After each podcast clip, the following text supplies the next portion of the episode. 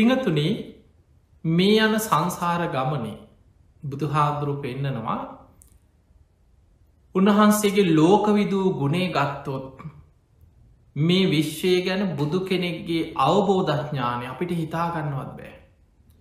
බුද්ධ විශ්‍ය අචින්තයයි. ලෝක විශ්‍ය අචින්තයයි. ඉර්දි විශ්‍ය අචින්තයයි. බුදුරජාණන් වහන්සේ දවසක් ආනන්ද හාමුදුරු ආනන්ද හාමුදුරු හනො සාමීනී මට මතකයි තතාගතයන් වහන්සේ දවසක් මෙන්න මෙහෙම ප්‍රකාශයක් කරලා තියෙනවා. මීට පෙර හිටියා සිකී වෙස්ස බූ කියල බුදුරු දෙනමක් මීට කල්ප තිස්සයකට කලින්. ඒ සිකී බුදුරජාණන් වහන්සේට හිටියා අභිභූ කියල අග්‍රශ්ාවකයන් වහන්සේ නම. උන්වහන්සේට ඉරදියෙන් දස දහසක් ලෝක දහතුවට මැහෙන් ඉරදියෙන් කතා කරන්න පුළුවන් ඉරදිමේ හැකියාවක් තිබිල තියෙන. දවසක් තතාගතයන් වහන්ස ඔය ගැන දේශනා කර. ආනන්ද හාමුදුරන්ට ඒක සිහි කරනකොට මතක් වුණා අගසව් කෙනෙකුට පෙර බුද්ධ ශාසනයක එවැනි හැකියාවක් තිබුණා නම් බුදුරජාණන් වහන්සේලා සියලු දෙනාගෙම අවබෝධය ඥානයේ හැකියාව සමානයි. එනිසා තමයි අපි බුදුරජන් බුදුරජාණන් වහන්සේලාට කියන්නේ අසම සමු වෙන කවුරුවත් එක්ක සමානනෑ එනිසා අසමානයි. ලෝකෙ වෙන කිසිම පුද්ගලයකුට සම කරන්න බෑ. හැබැයි බුදු කෙනෙක් තවත් බුදු කෙනෙක් එක්ක සමානයි. අසම සමයි. ආනන්ද හාමුදුරන්ට හිතුන බුදුරජාණන් වහන්සේට කොච්චර මේ විශ්වයේ පිට සක්කොල ලෝකවලට වෙනත් ලෝක දහත්වලට ඇහෙන්න ඉරදියෙන් කතා කරන්න පුළුවන් ඉරදිම හැකියාවක් තියෙනවද දන්න. දවසක් බුදුරජාණන් වහන්සේලාකට ඇවිල්ල වන්දනා කරලා ආනන්ද හාමුදුරහනෝ සාමීනී භාකතුන් වහන්ස මම අහල තියෙනවා දවසක් තතාගතයන් වහන්සේ දේශනා කරා සිකී කියන බුදු හාමුදුරුවන්ට හිටිය අභිභූකින අග්‍රශ්‍රාවකයන් වහන්සේ දස දහසක් ලෝක දහතුවට ඉරදියෙන් ඇහෙන්න කතා කරන. සාමිනී භාග්‍යතුන් වහන්සේ නමකට බුදු කෙනෙකුට මේ වෙනත් ලෝක දහතුල ඉන්න සත්‍යයන්ට ඇහෙන්න කොච්චර ඉරදියෙන් කතා කරන්න පුළුවන්ද. බුදුරජාණන් වහන්සේ වදාලා ආනන්දය තතාගතයන් වහන්සේලාගේ හැකියාව අනන්තයි අප මේ යයිකි වෙච්චරයි. ඊට වඩා විස්තර කරේ නෑ. බුදුවරුන්ගේ හැකියාව අනන්තයි අප මේ යයි. දෙවනි පාරත් ආනන්ද හාමුදුරුව ඒ ප්‍රශ්නය ඒ විදිහට ආයමත් ඇහවා. ඒවෙලිත් බුදුරජාණන් වහන්සේ වදාලා ආනන්දය තතාගතයන් වහන්සේලාගේ හැකියාව අනන්තයි අප මේ යයි. බුදුරජාණන් වහන්සේලාගේ හැකියාව අනන්තයි අප මේ යයිකි. ආනන්ද හාදුරු දන්නවා බුදුරජාණන් වහන්සේලා නිවන පිණිස අදාළ ප්‍රශ්නකට නම් එකවරම පිළිතුරු දෙනවා ඒ කාන්ස ව්‍යාකරණය පඤ්ඥා කියන. ධර්මාවබෝධයට නිවන ගැන චතුරාරි සත්‍යය ගැන අවබෝධයට උපකාර වෙන දේවල්ලොට එක පාරම පිළිතුරු සපේන එක විස්තර කර කර බෙද බෙදා ඒ පුද්ගලයට අවබෝධ වෙන විදියට විස්තර කරනවා. හැබැයි සමහර ප්‍රශ්න බුදුහාන්දුරන්ගෙන් අහද්දී. බුදුරජාණන් වහන්සේ ඒ ප්‍රශ්නයට පිළිතුරු දීමෙන් ඒ පුද්ගලයාට හේතුවෙන්නෙත් නැව ඊළඟට ඒක ඔස්සේ පැටලිලා යනවා මිනිස්සු ඒ ගැන හිතන්න ගිහිල් ඔලු අවුල් කරගන්න සාමාන්‍ය මනුස්සේකුට එක තේරුම් ගන්න තරම් හැකියාවකුත් නෑ එවැනි අචින්තිය වූ යම් යම් දේවල් ගැන අහද්දී බුදුරජාණන් වහන්සේලා පිළිතුරු නොදීන්නවා. හැබැයි නැවත නැවත අහද්දි තුංගනි වතායි බුදුවරු පිළිතුරු දෙන අවස්ථා තියෙනවා. ආනන්ද හාන්දුරු දන්නවා. බුදු කෙනෙක් ප්‍රශ්නවට පිළිතුරු දෙන රටාව ආනන්ද හාමුදුරුණි බුදුරජාණන් වහන්සේගේ අග්‍ර උපස්ථායක. බුදුරජාණන් වහන්සේව ළඟින්ම බොහෝ කාලයක් ඇසුරු කර ආනන්ද හාමුදුරු. බුදුමුවින් වැඩිපුරම ආනන්ද කියන වචනය තමයි කෙනෙකුට නමක් කියල කතා කරානම් බුදුරජාණන් වහන්සේ නිතරම ආනන්ද උනු පැන්ගේ නානන්ද සිසිල් පැන්ගේ ආනන්ද කියන වචන තමයි නිතරම බුදුරජාණන් වහන්සේකින් බුදුමුවින් දේශනාවනේ. ති ආනන්ද හාමුදුරුව තුන්ගනි පාරත්වය ප්‍රශ්නය මැහවා. ඒවෙලි බුදුරජාණන් වහන්සේ වදාලා ආනන්දය නුබ පුන පුනා නැවත නැවතත් ඒ ප්‍රශ්නම විමසන. එහෙම නං ආනන්ද මතක තියාගන්න මේක දරාගන්න. අන්න බුදුරජාණන් වහන්සේ බුදු කෙනෙකුගේ මේ ලෝක ධාතුවලට ඇහෙන්න කතා කිරීමේ හැකියාව විරදිය ගැන දේශනාමික තියෙන්නේ අංගුත්තර නිකායි ලෝකධාතු විඤ්ඥාපන කියෙන සූට්‍ර දේශනා. බුදුරජාණන් වහන්සේ වදාළ ආනන්දය හිරු සඳුගේ ආලෝකයේ විහිදෙන සීමාව තුළ සූරයාගේ ආලෝකය අම්තාක් දුරට විහිදෙනවද. චන්ද්‍රයාගේ ආලෝකය අම්තාක් දුරට විහිදෙනවද. මේ පරාසේ තුළ විශ්වයේ සත්වයන් උපදින තල තිස්ස එකක් තියෙනවා කියව. ඒ තල තිස්ස එක අයිති වෙන්නේ ඔබ නිකමට මතක තියාගන්න මනුස්සලෝක එකයි.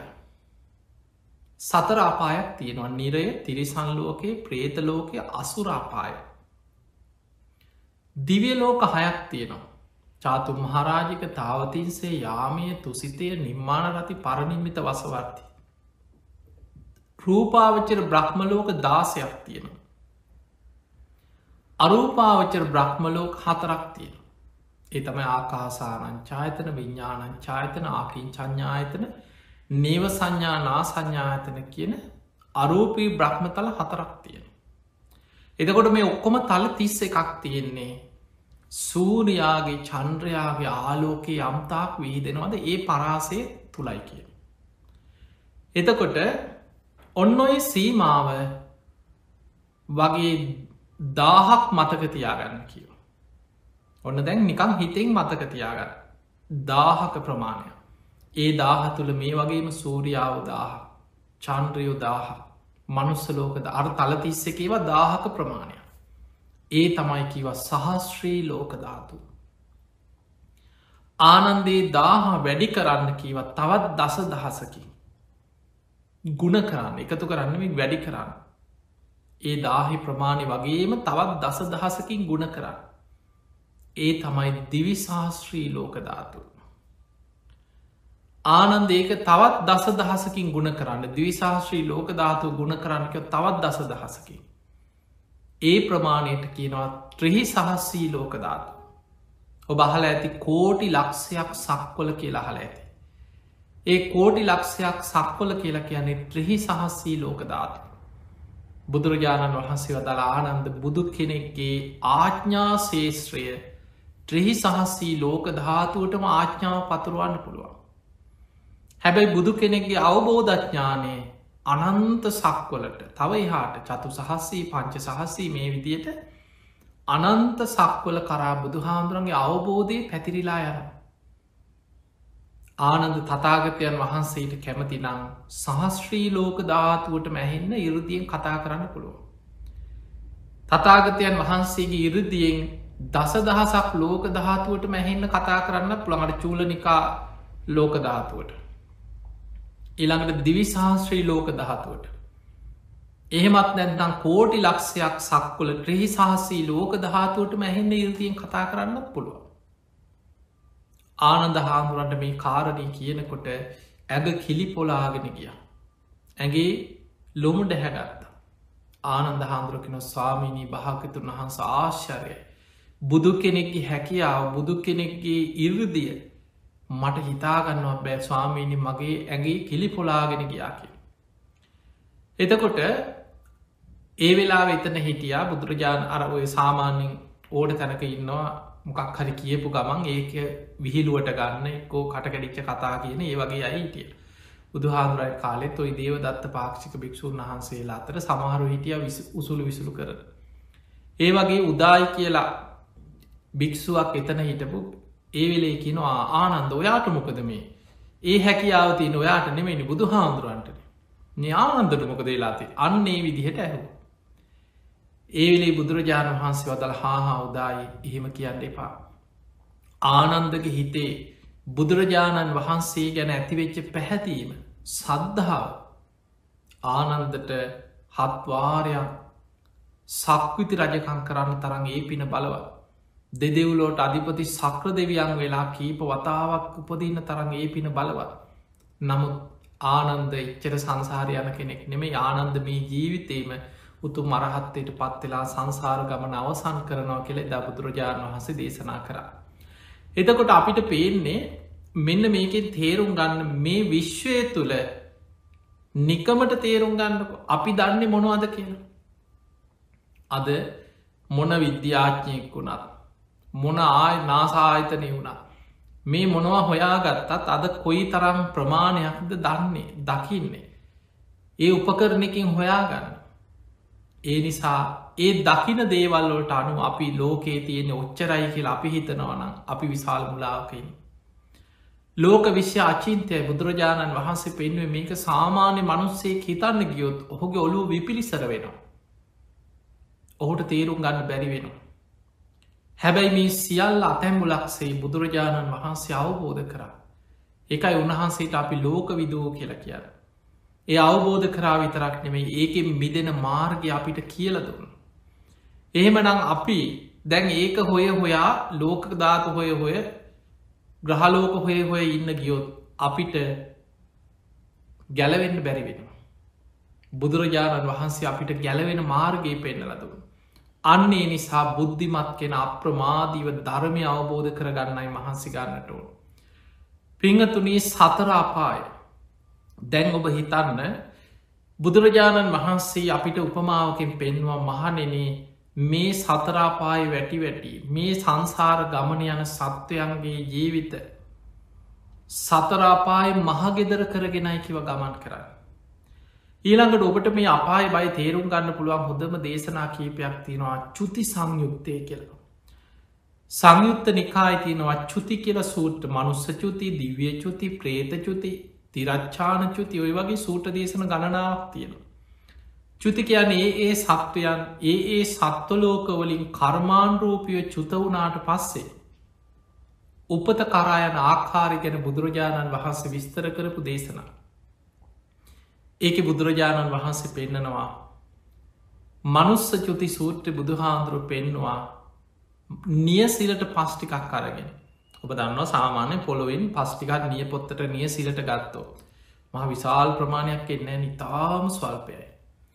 බුදුරජාණන් වහන්සේ මේ ස්වල්පයේ භික්‍ෂූන් වහන්සේලාට පෙන්න්නනවා පෙන්නල කියනවා මහනෙන මේ මහපොළොවෙ තියෙන පසුත් නිය සිලේ තියෙන පසුත් අතර වෙනස නොබල දකිනවද? එහෙමයි ස්වාමීනී. නිය සිලේ තියෙන ඉතාම ස්වල්පයයි. මහපොළොවි තියෙන පස් ප්‍රමාණය සීයෙන් පංගුවත් දාහෙන් පංගුවක් ලක්සෙන් පංගුවක් බින්දුගානෙන් කියන්න බැරි තරන් දීර්ගයි. බුදුරජාණන් වහන්සේ වදාලා මහනෙන. මේ මනුස්ස ජීවිත ගත කරන අයගේ මේ සංසාරයන සත්‍යයන්ගෙන් ආයමත් මනුස්ස ජීවිතයකට එන්න මෙන්න මෙච්චරයි කියව. නිය සිලට ගත්ත පස් වගේ පිරිසක් මනුස්ස ලෝකෙටේ. මේ මහපොළොව පස් වගේ පිරිසක් සතරාපායට වැටෙනවා. අපායම වැටි වැටි සංසාර යන පිරිස මහපොළොව තියෙන පස් වගේ කියෝ. දැන් ඔබ නිකං ඒ උප දැන් ඔබට ඕක නිකං කවරු හරි කිවොත් හිතෙන්නේ නෑ ඕක කොහෙද ඕක වැරදිලා කියලා හිතෙන පුළො. සමහරු හිතනවා මෙච්චන මිනිස්සු ඉන්නේ දැන් ජනගහනි වැඩි වෙලාන ඔය ඕක කොහෙද මෙච්චර මිනිස්සු ඉන්න කෙළ හිතෙනවා. අපිට එහෙම හිතෙන්නේ අපි අපි අනිත් ලෝක ගැන අපි කවුරු සංගණනයක් කරලා නෑන අපි සංගණනය කරන්න මේ මනුස්ස ලෝකේ පොඩ්ඩක් එහෙම වුණත් මිනිස්සු ගැන විතර අපිට හොයා ගන්න පුළුව පිංහත් අපි දැ මිනිස්සු ගැන හිතව ඔබට මෙන්න මේ විස්තරයෙන් තේරෙයි මනුස්ස ජීවිතයක් ලබන එක කොච්චර දුර්ල බයිද පිංහතුනි බුදුරජාණන්වා දැම් අපි ගම් මනුස්ස ලෝක ඉන්ටික මුළු මනුස්ස ලෝකෙ මද ජීවත්වෙන්නේ කෝටි හත්සීයකට වඩා වැඩි අපි වැඩිපුරත් එක හිතුම අටසීයක් විතර කියලා.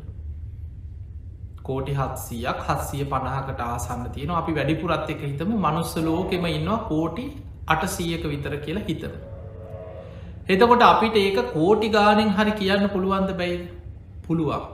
බින්දු ගානකින් හරි කියන්න පුළන් කෝටි අටසීයක් කියලා සාමාන්‍ය ලෝක ජනගහනය ගැන අපි හිතනවා. හැබැයි ඔබට පුළුවන්ද සතරාපාය කියන්නේ නිරය තිරිසන්ලෝකය ප්‍රේතලෝකය අසුරාපාය හතරක්න. ඕකෙන් නිරේ ගැන කවුරුත් දන්න කවුරු සංගණනයක් කරලත් නෑ නිරේ කොහෙද තියෙන්නේ කිය අපි දන්නෙත් නෑ ඒ අපිට පේන්න එක දිවසින් දකිට දෙයක්. හැබැයි යම් යම් දේශනාවලින් අපිට නිරේ ගැන තොරතුරු ගොඩාක් තේරුම් ගන්න පුළුව. නේ නිරේ නිරි සත්තු මෙච්චරයි කියලා කවුරු සංගණනයක් කරේ නෑ එතකොට අපි ඒක පැත්තකින් දීම අපි දන්න ඇති නිසා අපි කයින් කරන. ප්‍රේත ලෝක ප්‍රේතයෝ ගැන අහලතින බුද්ධ දේශනා කියෝල තියෙනවා පේතවත්තු ගැන දන්නවා ලක්කන සංයුත්ත ප්‍රේතයෝ ගැන හල ඇති ඕන තර හැබැයි අපි ගණන් කරගන්න අපිට පුළුවන්කමක් නෑ. දිවසක් තිය නොන ඒකත් දකින්න ප්‍රේත ලෝකෙත් අයින් කරම අපිට පේනෑන අසුරාපාය මහා සාගරයේ තුළ දුක්විදින අමනුස්ස කොටසක් හැටියට පහරාද වගේ දේශනාවල බුදු හාදුරු පෙන්වා.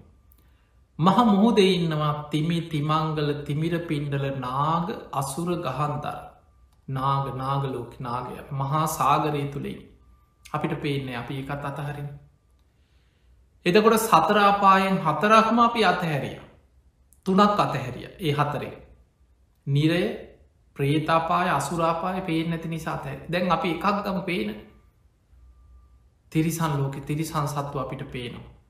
ඒ පේන තිරිසං සත්තුන්ගෙන් ඔබ හිතන්න කරණීමිත සූත්‍ර තියෙනවා දීගාව දීර්ග සත්තු ඉන්න දැකල ඇති.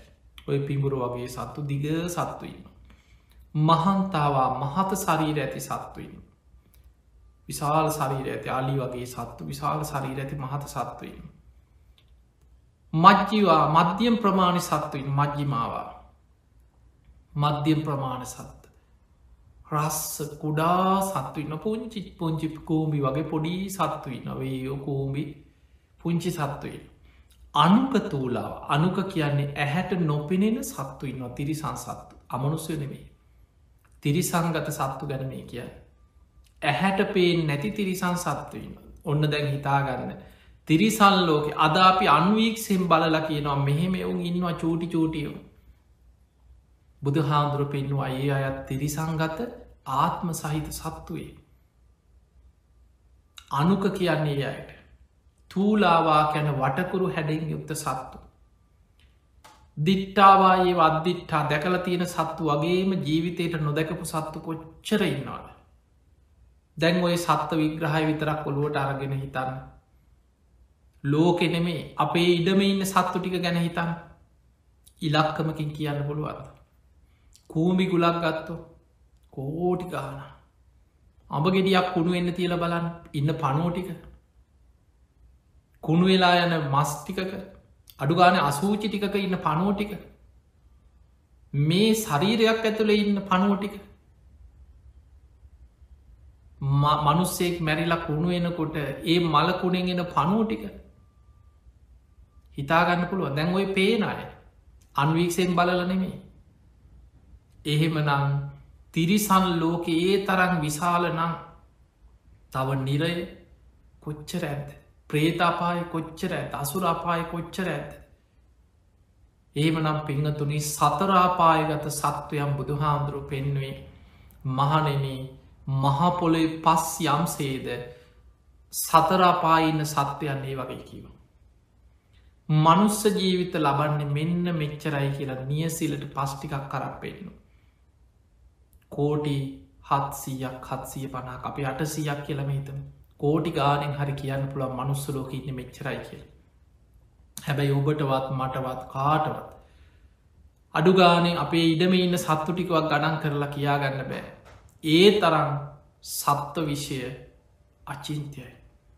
ඒමනම් පිංහතුනි ඔබට දැන් තේරෙන ඇති මනුස්ස ජීවිතයක් ලැබවා කියන්නේ හිතාගන්න බැරි දුර්ලභ කාරණය ඒකයි බුදුරජාණන් වහන්සේ දේශනා කරේ දුල්ලබෝ මනුස්ස පටිලාප මනුස්ස ජීවිතයක් ලබනේ අතිශ්‍යයෙන්ම දුර්ලබයි. දැන් ඔබට මනුස්ස ජීවිතයක් ලබපු ඔබ අනෙක් සියල්ලන්ට වඩා වාසනාවන්තයි.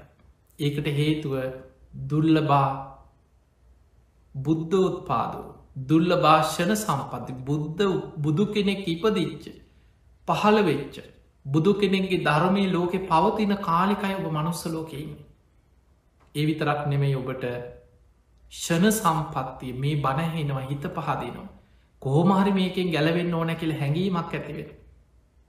අන්නේ කෙන බුදුරජාණන් වහස පෙන්වා මහනෙන මේ ලෝකෙ මිනිස්සු.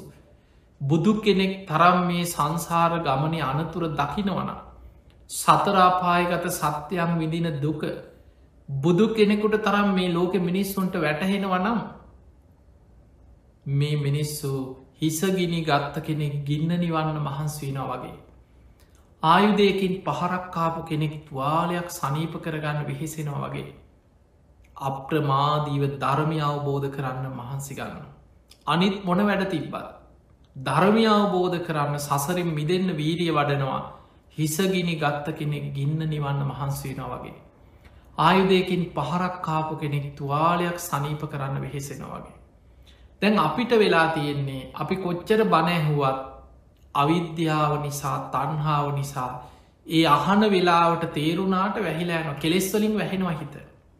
පස්සෙ බැරියේ පස්සෙ බැරියේ තව කල් තියෙනවනුව ඕව කොහෙ කරන්න දැම්ම කොච්චර ප්‍රශ්නති ඒ වගේ අදහස් හිතට ගලාගෙන ඔය ඕන දෙයක් වෙන්න ඇත ඒක ඒ වෙලාවට බලාගම අන්නේ වගේ හිත. ඒක තමයි අවිත්‍යහාය භයානක්කම ඒ නිසා සතරාපායෙන් මිදන්න මහන්සි ගන්න කෙනා කොහොමද අපායෙන් මිදන්න කියන තැනදී අපිට අවශ්‍යමද ඉස්සල්ලා තේරුම් ගන්න බුදු හාමුදුරු පෙන්වේ සද්ධාව ඇතිවෙන්නත් අපායි බය දකින්න මෝනේ දුක්කූප නිසා සද්ධහා සසර දුක අපාය බය අපායි වැටි වැටි විදින්න සිද්ධ වෙන දුක දකින කෙනාම තමයි කොහොමද මේකෙන් බේරෙන්නේ කියලා අප්‍රමාදීව වීරිය වඩන්න. එයා තමයි අවබෝධයෙන්ම බුදුන් සරණයන් එයා තමයි අවබෝධයෙන්ම ධර්මී සරණයන් එයා තමයි අවබෝධයෙන්ම ශ්‍රාවක සංඝයා සරණයන් ධර්මාවබෝධය පිණිස වීරිය වඩ ඒ නිසා මේ ලැබිච්ච මනුස්ස ජීවිතය තුළ අපායෙන් මිදන්න මහන්සි ගන්නවා කියලා කියන්නේ ඔබ සංසාර බයදකින කෙනෙ ඔබ සද්ධාව ඇති කර ගත්ත කෙනෙ ඔබ බුදුහාමුදුරන්ගේ දේශනාව ගැන විශ්වාසය අප්‍රමාදීව ධර්මය වඩන කෙනෙ ඒ පිණිස අපි පියවරෙන් පියවර යායුතු මකක් තිය බුදුහාදුරුව පෙන්ව මේක හරියට මහා මුහුදට බහින වගේ වැඩ අනුපුබ්බ සික්කා අනුපුබ්බ කිරියා අනුපුබ්බ ප්‍රතිපදා. අනුපිළිවලින් සීලේක පිහිටනවා. ප්‍රතිපදාවක දෙනවා ඉස්සල්ලාම දැන් අපි ගම සාමාන්‍ය තේරුම් ගන්න කෙනෙකුට කොහොමද අපි මේ බනාහල දැන් අපාය ගැන බයක් ඇතිවුණු කොහොම හරි මේක මිදෙන් ඕන කියල හිතුනොත් කොහොමද මේක පටන්ගන්න පලවෙනිම දේ තමයි බණහන් නිතර නිතර බණහන් ඒ බණ අහනකොට ඔබට බුදු හාමුදුරන්ගේ අවබෝධය ගැන මේ සංසාරි ස්වභාවය ගැන සතරාපාය ගැන හොඳට තේරෙන්න ගන්න. ඒ තේරෙනකොට ඔබ අවබෝධයෙන්ම සීලේක පිහිටන. දැන් අපි ඉස්සරලාම ඔයා සීලේක පිහිටල පටන්ගන්නක සීල සමාධි ප්‍රඥා තමයි වැඩෙන්නේ. හැබැයි අවබෝධයක් නැති කෙනා සීලේක පිහිටවන්න අමාරුයි. ඇයියා දන්නේ නෑ මොකටද සීල් රකින්නේ. සීල වටිනාකම දන්නේ. ඒ නිසා බොරුවට සීල් ගත්තට සීල් රකින කෙනෙක් නෙවෙයා. එයා සික්ෂාපත ගැන හැඟීමක් නෑ. බොහෝ දෙනෙක් වර්තමානය සිල්ගන්න චාරිත්‍රයක් වසේ. අර මිනිස්සු ඉදිරියෙක්කෝ රැස්වීමක පිරිස සිල් ගන්න නිසා යමක් පටන් ගන්න කලින් චාරිත්‍රයක් ඉෂ්ට කරනවා කියන හැඟීමෙන් තමයි බෝ ගොඩක් අය සිල්ගන්න ඔබ දැකල ඇතින් සමාලාට ඔන්න ස්කෝලේ වැඩ පටන් ගන්න කලින් උදෑසන සිල් සමාධන් කරන රැස්වීමක් තියෙන න්‍යාය පත්‍රය පලවෙනිම එක පන්සිල් සමාධන් කිරීම. උත්සවයක් ආරම්භ කරන මුලින්ම පන්සිල් දීල පොල්තෙල් පහන දල්ල වැඩේ පටන්ගන්න ආයතනයක් විවෘත්ත කරනවා. ඒත් එහෙමයි. සමහරු හොර ව්‍යාපාරයක් ආරම්භ කරන්න. මොන තරම් වැරදි වැඩ අපරාධ කරන ව්‍යාපාරයක් පටන් ගත්තා. එතන පන්සිල් අරගෙන පොල්තෙල් පහන දල්වලා එහෙමතයි වැඩේ පටන් ගන්න දන්නේ නෑ මොකක්ද සිල් ගන්න එක තේරුම කියලව. ඒක තේරුම් ගන්න නම් බණහන්න ඕනේ. ඒ නිසා කාලයක් බණහන්න. බණ අහනකොට දැ බුදුරජාණන් වහන්සේගේ කාලේ ගෙවල්ලොල ඉදන් සිල් අරගෙන හොඳට සිල් රැකලා බණහන්නාව නෙමේ මිනිස්සු වැරදි වැඩ කර කර පව්කං කර කර හිටපු මිනිස්සු බනාහල ජීවිතය වෙනස් වුනේ ඊට පස්සේ තමයි ඔවුන් සිල් රකින්න පටන් ගත්ත. ඊට පස්සේ තමයි ඔවුන් ධර්ම මාර්ගය අවබෝධෙන් ධර්ම මාර්ගය වැඩුවේ. බලන්න සමහරයි බුදුරජාණන් වහන්සේ ළඟට ඇවිල්ල බණහලා දේශනාව අවසන් වෙනකොට සාමීනි මේ ධර්මය හරියට වහල තිබ්බ දෙයක් ඇරල පෙන්නවා වගේ. අන්දකාර හිටපු කෙනෙකුට ආලෝකයක් පහළ වුණා වගේ. මේ ධර්මය හරියට මංමුලා වෙච්ච කෙනෙකුට පාරක් පෙන්වා වගේ. සාමීනි අද පටන් අපි බුදුන් සරණයනවා. අද පටන් ධර්මය සරණයන. අද පටන් ශ්‍රාවක සංඝයා සරණයනවා කියලා අවබෝධයෙන් තෙරවා සරණයන. ඊට පස්සේ තමයි යා සීලවන්ත උපාසකයෙක් බවට පත්වේ. එයා සික්ෂාපද රකිමින් තමන්ගේ කයවචනය සංවර කර ගනිමින් ගුණ ධර්ම රකිනි. එනිසා පිංහතුනි පටන්ගන්නම තැන නිතර බණහන අද කොච්චර වාසනාවත්. ඔබට අන්ත්‍රජාලය ගත්තත් ගොඩාක් බණහන්න පුළුව බණපොත්ද කැසර්ද සීඩීද සංගරාද අද ගොඩා ක්‍රම තියෙන ඔබට බණහන්. නිතර බණහන් ආසාාවෙන් බණහන්. එහෙම බණ අහගෙන අහගෙන යනකොට කාලයක් යනකොට ඔබට දහම් දැනුම ඇති වෙනවා සද්ධාව ඇති වෙනවා අපාය බය ඇති වෙනවා. ධර්මය ඔස්සේ ඔබ හිතන්න පටන් ගන්න අන්න එතකොට ඔබට සීලේක වටිනාකරම හොඳට දැනෙනවා. දැන් ඔබ සිල් රකින්න කවුරුත් කිය නිසානමේ කට්ටිය බලෙන් පන්සේල් සමාධන්කරොන් නිසානම ඔබ අවබෝධයෙන්ම එතන ඉදන් සිල් රකින ඊට පස්සේ බණහන කෙනා උතුම් සීලේක පිහිටට. අපි ගම ගිහි ශ්‍රාවකයෙක් නං ඔබ පන්සේල් රකින්න. හැබැයි පන්සේ සමාදන් වනාට තාම ඔබ අවබෝධයකින් ඉන්න වනෙමේ ඒ සික්ෂාපද බිදෙන්න්න කැඩෙන්න්න තියෙන අවස්ථාව ඕන තරම්. හැබැයි සංසාරය බයදකින කෙනා අපායින් මිදන්න වීරිය වඩන කෙනා තමන්ගේ පුංචි වරදේ පවා බිය දකිනවා. සික්ෂාපදයක් කැඩුනොත් ඒ සැනින් ආයතින් සංවරේ පිහිට ආයතින් සංවරේ කියන්නේ දැඩි අධිෂ්ඨානයක් ඇති කරගන්න ආයි නම්මම් මේ කරන්නේ. ඒ මොහොතේ මායි පන්සේ සමාධන් වෙලා වරද නිවරදි කරගන්න. ඒ විදිහට තමයි වැටි වැටි නැකිටිනවා වගේ අධිෂ්ඨානින් වීරිය සෝවාන් වෙනකල් සෝවාන් වෙච්ච කෙනා තමයි සතරාපායි සදහටම නිදහස්සේ. එයා තමයි අවබෝධයෙන් සිල් රකින්නේ. ඒ සීලේට කියන්නේ ආර්ය කාන්ත සීලේ. සෝවාන් වෙච්ච කෙනාගේ සීලේ අවබෝධයෙන් යුක්ත ආර්ය කාන්ත සීලයක්. එතකම් සීලාදී ගුණධර්ම ආරක්ෂා කරගෙන වීරියේ ඒ ගමන යන්න උත්සාහ කරන කෙනෙ. දැම් බණහනව හොඳට සිල් සමාදන් වෙනවා. නිති පන්සිල් රකින්න පුරුදු වෙන කෙනා පෝයට පුරුදු වෙනවා මාසකට එක දවසක් හරි. බුදු හාන්ද්‍රයි කාලන සතර පෝයටම උපෝ සතේ රැක්ක. අද අඩුගාන පසුලොස්සක පෝයට හරි උපෝ සත සීලයක් පුරුදු කරනවා. ඊළඟට තමන් අහන ධර්මය ඔස්සේ දැන් බණහගෙන යනකොට කර්ම කරම් පල විශ්වාසය පින් පව් ගැන විශ්වාසය. එකට කිනල් ලෞකික සම්මාධිට්්‍ය ඇති වෙනවා කියලා. දානී විපාක තියෙනවා කරන පින්කංගොල විපාක තියෙනවා මෙලවක් තියෙනවා පරලවක් තියෙනවා. මවුට සැලකීමේ විපාකයක් තියෙනවා පියාට සැලකීමේ විපාකයක් තියෙනවා. තමන් කරන හොඳ නරක කර්මයන්ගේ විපාක තමන්ට ලැබෙනවා. ඕපපාතික සත්වයන් ලෝකෙ පහළ වෙනවා. තමන්ගේ නුවනින් ජීවිතය අවබෝධ කළ ප්‍රකාශ කරන ශ්‍රමණක් බ්‍රාහ්මණයන් ලෝක පහළ වෙනවා. මෙන්න මේ අවබෝධය දැනුම වැටහීම ඇති වෙනවා. ඒකට කිනොල් ලෞකික සම්මාධිට්ටිය. මේ අවබෝධය තුළ පිහිටල එයා පින් කරනවා. ධර්මාවබෝධය අරමුණු කරගෙන දන් දෙනවා සිල් රකිනවා. දෙමවපියන්න සලකනවා පින්කං කරනවා කර්ම කරම්පල විශ්වාස කරන කෙන අකුසලින් වලකිනවා. සබ්භ පාපස්සා කරනගේ පුළුවන් තරන් සියලු අකුසල් වලින් වලකිනවා. බලකින්න උත්සාහ කරනවා වීරිය වඩන. කුසලස්සූප සම්පදයා කුසල් වඩනවා පින් කරනවා පිනටම නැඹුරු වෙච්ච ජීවිතයක් පුරුදු කරන. සචිත්ත පරියෝධපන අන්න දැන් ටික ටික භාවනාවකට යොමුුවෙන. බුදුගුණ සිහි කරනවා මෛත්‍රී භාවනා වඩනවා කය ගැන යථවසයෙන් විමසනවා ධාතු මනසිකාරය පිළිකුල් භාවනාවේ කායනු පස්සනා භාවනා සතර සතිපට්ඨානය ඔස්සේ භාවනා වඩනවා අන සචිත්ත පරියෝදපන දැන් ලෞකික සම්මාධිට්්‍ය ඇතිකර ගත්ත කෙනාගේ ඉලක්කෙ තමයි ලෝකෝත්තර සම්මාධිට්්‍ය ඇතිකර ගැනීම.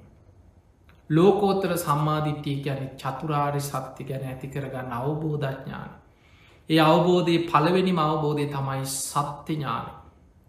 මේ දුක කියන්නේ ආරය සත්‍යයක් මයි දුකේ හට ගැනීම ආරි සත්‍යයක් මයි. දුක නැතිවී මාරි සත්‍යයක් මයි දුක නැති කරන මාර්ග ආරි සත්‍යයක් මයිකෙ ඇති කරන අවබෝධය. ඒකට කියනවා සත්‍යඥාන. අන්නේ අවබෝධය ඇති වෙන කල්ම අපායින් මිදෙනවා කියන එක ලේසිනෑ. ඒ තමයි සෝවාන් පලට පත්වීම. චතුරාරි සත්‍යයේ සත්‍යඥානය ඇතික්වෙනවා සමගම එයා සක්කායදිට්ටි විචිකිච්චා සීලබ්බද පරාමාසකෙන ත්‍රිවිධ සංයෝජන ප්‍රහාණය වෙලා සෝවාන් පලට පත්වෙනවා. අන්න එයා තමයි සදහටම සතරාපායෙන් මිදෙන කෙන. බුදුරජාණන් වහන්සේ පෙන්වා සෝවාන් පලට පත්තිච්ච කෙනෙක් උපරිම ආත්ම හතයි උපදන්න. දිවී ලෝකක සුගතියක ඉපදුනත් ආත්ම හතයි. ආත්ම හතෙන් මෙහා ආත්ම හතක් ඇතුළත ඊතිරි කෙලිසුත් ප්‍රහාණය කරගෙන ඒ කාන්තෙන් නිවන කරා යනවා මයි. සෝවාන් වෙච්ච කෙනෙක් යතින් අපායගාමි අකුසලයක් සිද්ධ වෙනවා කියන එක අබහුයයි සිද්ධ නොවන දෙයක් කියන කවදාව. එයා සදහටම අපායෙන් මෙදිච්ච කෙනෙ. ඒ නිසායි පිංහතුනි බුදුරජාණන් වහන්සේ අපිට පෙන්නුවේ යුද්ධ දාහක් දිනනවට වඩා. ලෝකෙම පාලනය කරන සක්විති රජ කෙනෙක් වෙලා ලෝකෙම රජකං කරමින් ලෝක යටත් කරගෙන පාලනය කරනවටත් වඩා. දෙදෙව්ලෝට අධිපති සක්‍ර දෙවියන් වෙලා උපදිනවටත් වඩා සෝතාපත්ති පලේ ශේෂ්ටයි උතුම් කියල. එයා සඳහටම සතරාපායෙන් මිදිච්ච කෙනෙ. අන්නේ පිණිසයි අපි මේ ධර්ම මාර්ගය වඩා. අන්න දැන් කෙනෙකුට කොහොමද අපි අපායෙන් මිදෙන්නේ කොහොමද අපායෙන් මිදෙන්නේ කියලා යන්න තියෙන පිළිවල තමයි අපායෙන් මිදෙනවා මිදෙනවා කියක හිටියට මිදෙන එකක් නෙමේ. අපි කවුරුත් සංයෝජනවලින් බැඳිලයින්නේ. කාම ලෝකයට අපාය පැත්තට අපි බැඳිලා ඇදිලයින්නේ. ඒ සංයෝජනවලේ. ඒකෙන් මිදන්න නම් ඔබ පටන් ගන්න තැන ඉදම් බණහන් සද්ධාවෙන් බණහන් බණහනකොට ආසාාවෙන් බණහන්න හොදට කන්යොමු කරගෙන බණහන් කාලයක් බණහාගෙන අහගෙන යනකොට ඔබට ධර්මය ගැන සද්ධාවක් ඇතිවෙනවා කර්ම කරම්පල විශ්වාසය මිලව පරලව පිළිගැනීම ඇතිවෙන පින් පව් ගැන විශ්වාසය ඇතිවෙන ලෞකික සම්මාධීත්‍ය ඇතිවෙන්න පටන්ගන්න අන්න ඊට පස්සේ අවබෝධයෙන් කර්ම කරම්පල විශ්වාසයෙන් සිල් රකින්න. කවුරුත් කිය නිසානමි අවබෝධයෙන් සිල් රකින්න.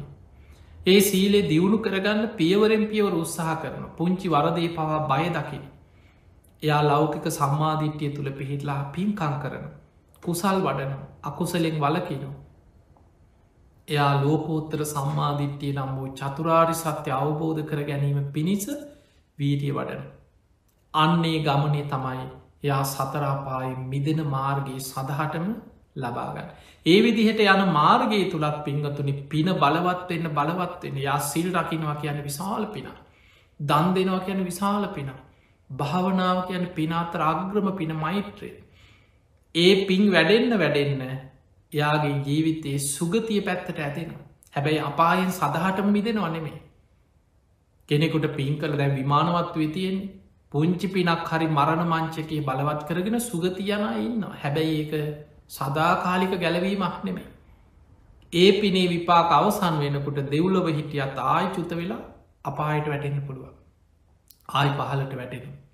ඒ නිසා බුදුහාමුදුරුව පහළ වෙලා ලෝක අපිට පෙන්නල දුන්නේ පින්ටිකක් කරගෙන තාවකාලිකව ගැලවිලා දිවියලෝකිකට යාගන්න එක නෙමේ ඒක තාවකාලිකයි.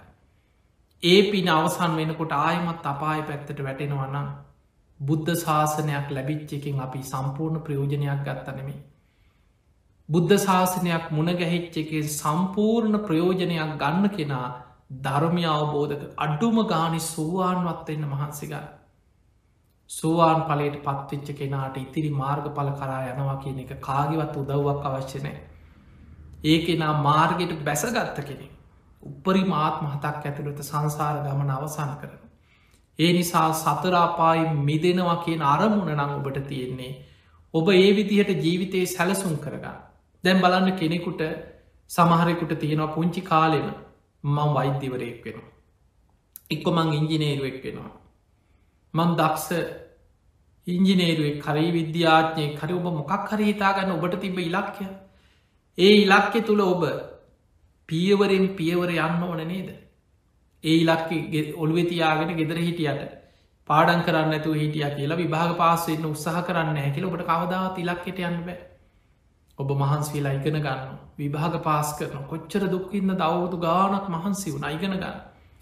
විභාග කර කර අත්දැකින් ලබනවා පර්යේෂණ කරනවා. ඒකත් එක තව තව රටවල් වල ගිහිල්ලා ඒ ඔස්සේ ජීවිතයේ සාමාන්‍ය මනුස්සේගේ ජීවිතය අවුරුදු හැත්තෑවක් අසුවක් ජීවත්වෙන කෙනෙ සමහරු අවුරුදු තිහක් තිස් පහක් තමරු අවුරුදු හතලිය පණහ වෙලා තිගෙන ගන්න එච්චර විශාල වෙහෙසක් දරල තමයි යමෙක් යම් ඉලක්කකට යන්නේ. හැබැයි ඒ ලෞකික ඉලක්ක සියල්ල හුස්මටික යනකොට අතහැරල යන්න වෙනවන. ඔබ වෛද්‍යවරයෙක් වුණත් ඉංජිනේරුවෙක් වුණත් ලෝකෙම මහාචාරවරයෙක් වුණත් ඔබේ හුස්මටික ගියාට පස්සේ ඒ සියල් අතහැරල සතරාපායට වැටෙන්න වෙනවන. ඒ ජීවිතේම ගත්ත උත්සාහය ඉන්නකං කාලබීල ඉන්න පුළුවන් ඉච්චරයි. හැබැයි ඔබ ධර්මය අවබෝධ කරන්න වීරිය වඩනවා කියන්න ඔබ බණහනවා කියන්න ඔබ සිල් රකිනවා කියන්න.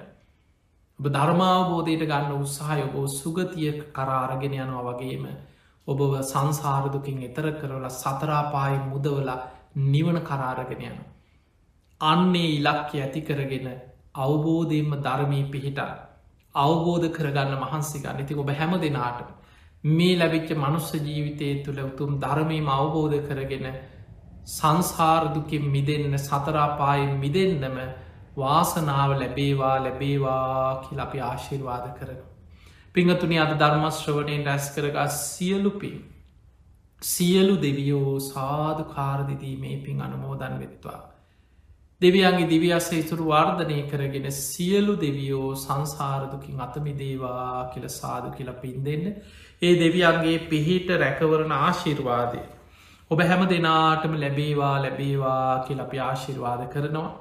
අද මේ උතුම් ධර්ම දේශනාවේ පින්බර දායකත්ති දරන්නට දෙන්නේ රණතුංගගේ නිලන්ත ප්‍රියදර්ශන ඒ බිරිඳ ගයනි ජයසිරි මහත්මිය දෙව්මිනී රණතුන්ග දියනී ඇතුළුයි පවුලි පිංහතුන් විසින්. විශේසිෙන් ඔස්ට්‍රේලියාවේ තස්මේනියාව.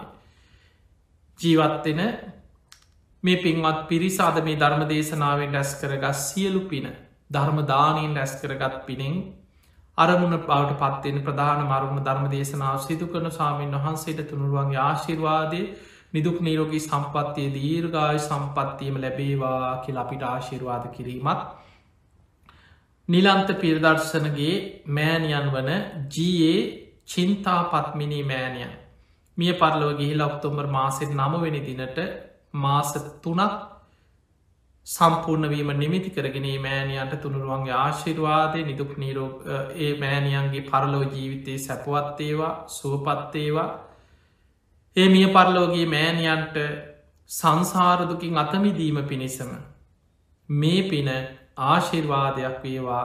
මිය පරලවගේ මෑනියන් ඇතුළු සියලු සංසාරගත ඥාතීන් සාධු කාරදිති මේ පින් අන්මෝදන් වෙත්වා. ඔබත් කල්පනා කරගන්න ඔබ නමිනි මිය පරලවගේ ඥාතීනුත් මේ පින් අන්මෝදන් වෙත්වා. පරලුව ජීවිත සැපවත්තේවා සුවපත්තේවා සසර දුකින් අතමි දේවා කියල සාදු කියල පින්දේ. ඒවගේ මේ බිරිඳගේ මෑනියන් වන ඔක්තෝම්බර් මාසේ විසිවෙනි දිනට ජන්මදිනය සමරණ සෝමලතා වීරසිංහ මෑනියන්ට නිදුක් නීරෝගී සම්පත්තිය දීර්ගායු සම්පත්තිය ලැබේවා කිර ආශිර්වාදයක් සුජීවත්ව ඉන්න දෙපාර්සවේම පියතුමන්ලා ඥාති සහෝදර සහෝදරයන් ඇතුළු පවුලොල හැම දෙනාමත්. විශේසිෙන් අද දායකත්ති දරන රණතුන්ගගේ නිලන්ත ප්‍රියදර්ශන මහත්මා බිරිඳ ගයනි ජය සිරිදි ඒ මහත්මිය දෙව්මිනී රණතුන්ග දියනී ඇතුළුවේ හැම දෙනාමත්. ධර්මස් ශ්‍රවනය කර ලක්වාසි ලොවාසි හැම දෙනාමත් ඔබ හැම දෙනාමත් නිදුක්කේවා නිරෝගි වේවාස්වූ පත්තේවා. ඔබ හැම දෙනාටම උතුම් වූ ධර්මීම අවබෝධ කරගන්න වාසනාව ලැබේවා ලැබේවා ලැබේවා කියලා ආශිර්වාද ප්‍රාර්ථනා කරනවා.